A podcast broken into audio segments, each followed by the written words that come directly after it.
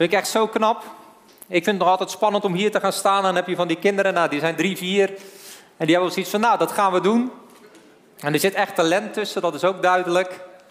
Dus als ze een beetje slim zijn, dan worden deze livestreams overal bekeken. Dan kunnen ze daar talent spotten en ontdekken.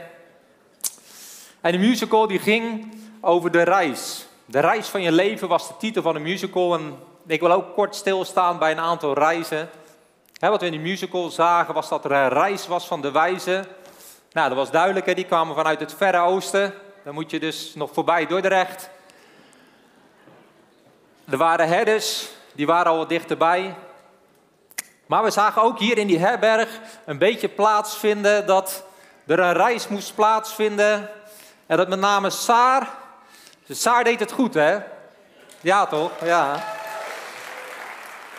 Dat met name Saar het best wel moeilijk vond om uit haar leven een reis te gaan maken om Jezus te ontmoeten.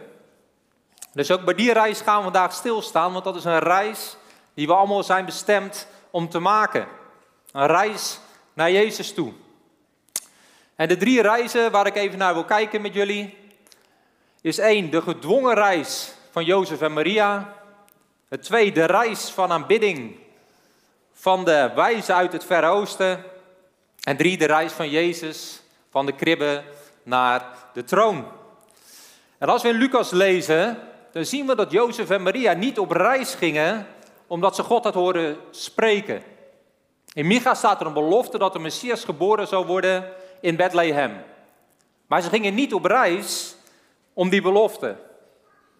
Nee, ze gingen op reis omdat er een bevel was van de keizer. En Maria vond dat belachelijk. dat we even vanuit het toneelstuk in de Bijbel zien die woorden niet letterlijk staan.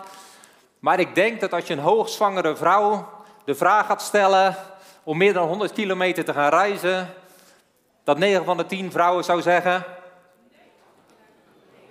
Belachelijk toch wel, ja toch? Nou, er zijn hier vrouwen die er toch wel zien zitten blijkbaar. Maar het was lopend, hè? het was niet uh, via de auto.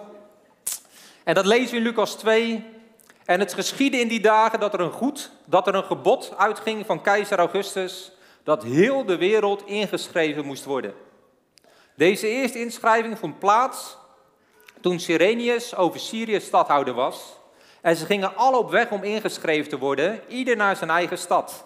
Ook Jozef ging op weg van Galilea uit de stad Nazareth naar Judea, naar de stad van David, die Bethlehem heet, omdat hij uit het huis en het geslacht van David was.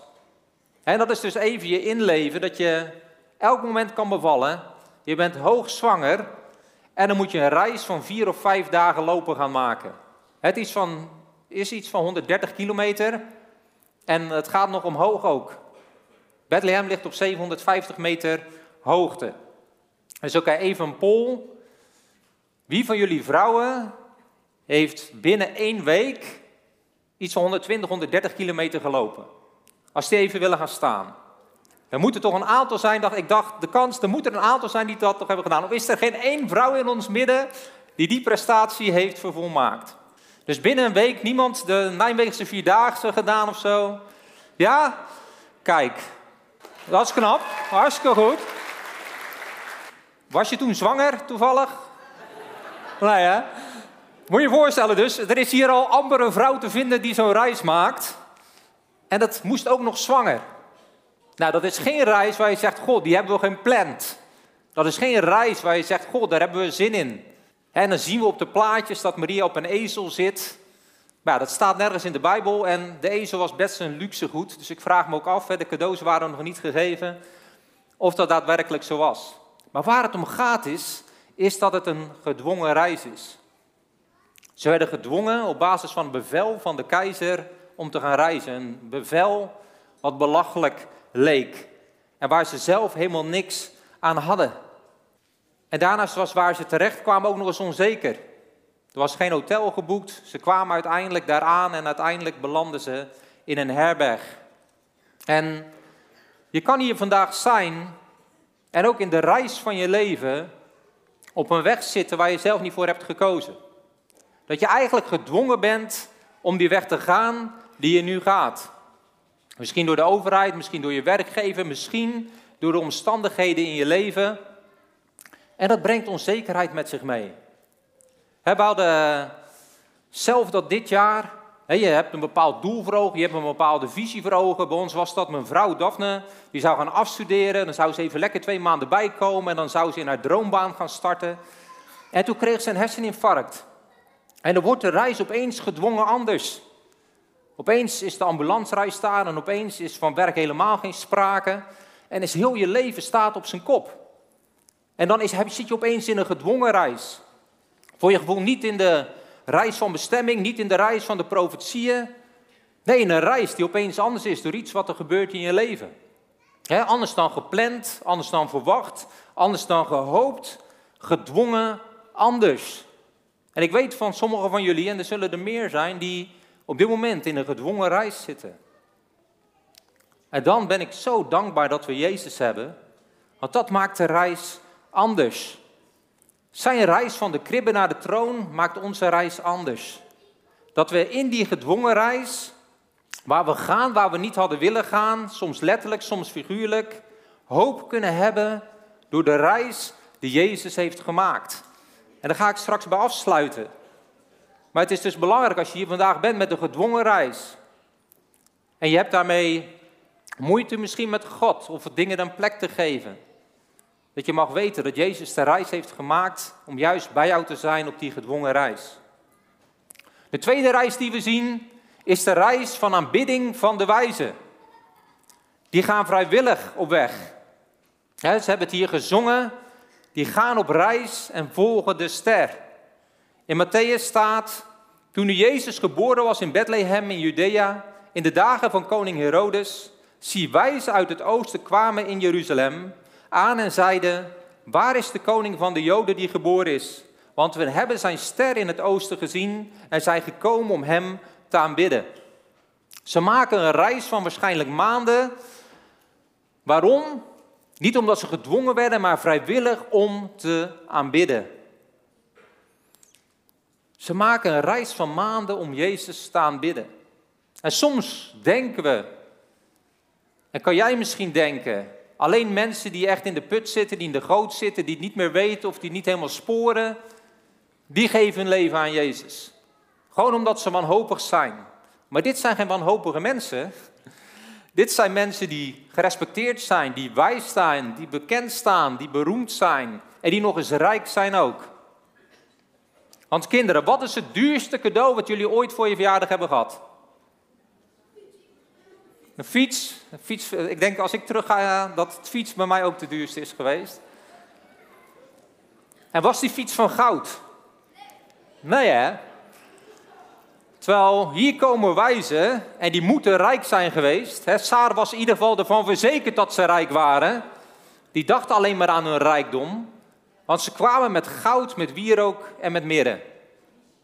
Nou, dat zijn andere woorden voor duur, duurder, duurst. Ze kwamen met enorm dure cadeaus. Maar Jezus kon er helemaal niet mee spelen. Nee, ik zou toch liever een fiets hebben gehad, denk ik. Of mijn vader moest er gelijk tien fietsen van kopen, of honderd fietsen. Maar waar het om gaat is, het zijn geen mensen die het niet meer wisten. Nee, het waren mensen die juist zoveel wisten dat ze een reis van aanbidding maakten. En hun wijsheid zit er niet in hun positie of in hun status, maar zit erin dat ze die reis maken om Jezus te aanbidden. De Bijbel zegt dat je een dwaas bent op het moment dat je alles denkt te weten, maar niet bezig bent met het eeuwige leven. Want het hier, houdt hier op aarde een keer op. Maar dan is daar die eeuwigheid waar Jezus ons van verzekert. En dat is de laatste reis waar ik met jullie naar wil kijken.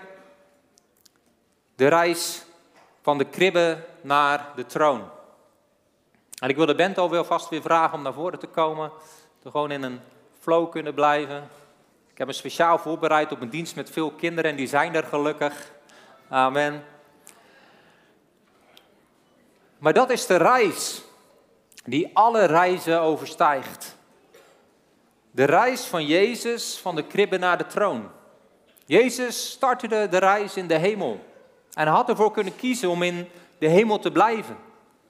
Maar hij laat het allemaal achter zich. Om geboren te worden in een kribbe. En om de weg te gaan naar het kruis. Om daaraan te sterven, om vervolgens weer op de troon terecht te komen. En waarom bleef hij niet in die hemel? Waarom bleef hij niet daar, al op de troon? Waarom deze hele reis? Jezus heeft deze reis afgelegd zodat jij niet alleen bent op je gedwongen reis. Zodat jij een reis van aanbidding kunt maken. In Hebreeën staat, want het paste hem, om wie alle dingen zijn en door wie alle dingen zijn, dat hij, om veel kinderen tot heerlijkheid te brengen, de leidsman van hun zaligheid door lijden zou heiligen. Omdat nu die kinderen van vlees en bloed zijn, heeft hij eveneens daaraan deel gehad om door de dood hem die de macht over de dood had, dat is de duivel, te niet te doen. En alle te verlossen die door angst voor de dood gedurende heel hun leven aan slavernij onderworpen waren. Want werkelijk, hij neemt de engelen niet aan, maar hij neemt het nageslacht van Abraham aan. Daarom moest hij in alles aan zijn broeders gelijk worden. Opdat hij een barmhartig en een getrouw hoge priester zou zijn in de dingen die God betreffen. Om de zonde van het volk te verzoenen. Want waaraan hij zelf geleden heeft toen hij verzocht werd, kan hij hen die verzocht worden te hulp komen. Jezus is een gedwongen weg gegaan. Jezus is een weg met pijn gegaan, zodat hij precies kan invoelen welke weg jij gaat. Zodat hij op jouw weg met je kan zijn. Je kan verlossen en je kan redden. Je bent niet alleen in je lijden. De macht van de dood is er niet gedaan. Je zonden kunnen volledig vergeven worden. Is dat geen reis van aanbidding waard? Deze reis van liefde. Deze kerst heb je één zekerheid en dat is dat Jezus van je houdt. Dat Hij de hemel heeft verlaten om naar deze aarde te komen.